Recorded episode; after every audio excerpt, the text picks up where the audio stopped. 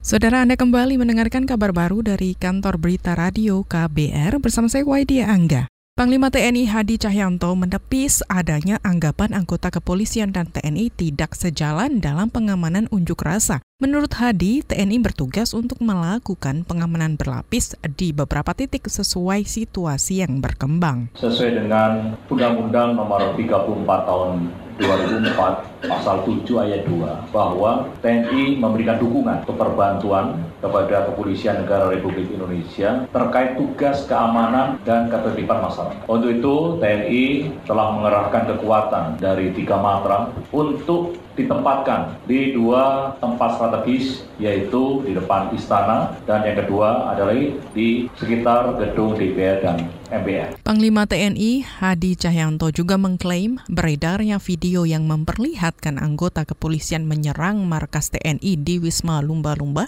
hanyalah rekayasa. Sebelumnya beredar video mengenai penyerangan anggota Brimob ke markas TNI di Wisma Lumba-Lumba menggunakan gas air mata. Dalam video itu anggota Brimob juga meneriakkan hujatan kepada penghuni asrama. Berita selanjutnya, Kepolisian Indonesia atau Polri menyebut aksi unjuk rasa mahasiswa yang berujung kerusuhan di Bandung dan Jakarta disusupi anarko.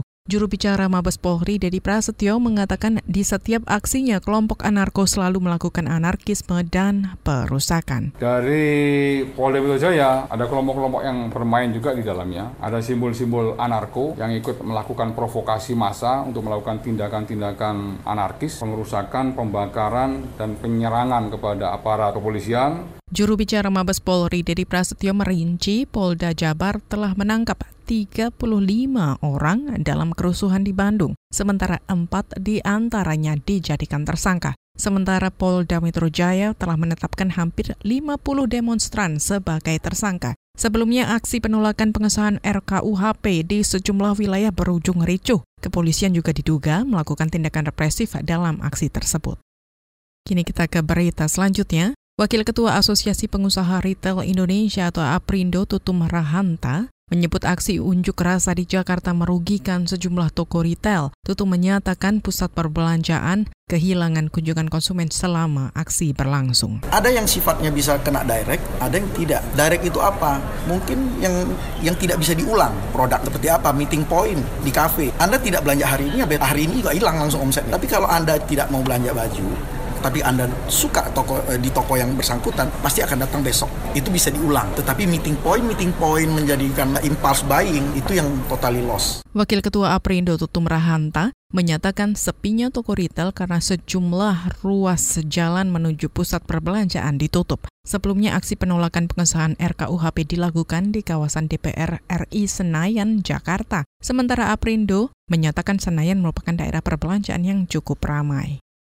Kini kita beralih ke Papua. Saudara, dua dari empat jenazah korban pesawat jenis Twin Otter yang jatuh di Kabupaten Mimika, Papua telah teridentifikasi. Juru bicara Polda Papua Ahmad Mustafa Kamal mengatakan korban yang teridentifikasi adalah pilot pesawat dan penumpang. Masing-masing adalah Dasep Sobirin Isak dan anggota Brimob Barada Hadi Utomo. Korban tadi sudah diterbangkan ke halaman rumahnya masing-masing, tujuan masing pukul 13.05 dan untuk Barada Hadi Utomo tadi dilepas oleh Kapolres Mimika para upacara kepolisian untuk diberangkatkan ke kampung halaman. Juru bicara Polda Papua Ahmad Mustafa Kamal menjelaskan hingga kini masih berupaya mengidentifikasi dua jenazah lain yakni asisten pilot Yudra Tutuko dan teknisi bernama Ujang. Sebelumnya pesawat Twin Otter tersebut jatuh di pedalaman Kabupaten Mimika, Papua. Pesawat terbang dari Timika menuju Ila ke Kabupaten Puncak. Saudara demikian kabar baru dari KBR, saya Waidia Angga.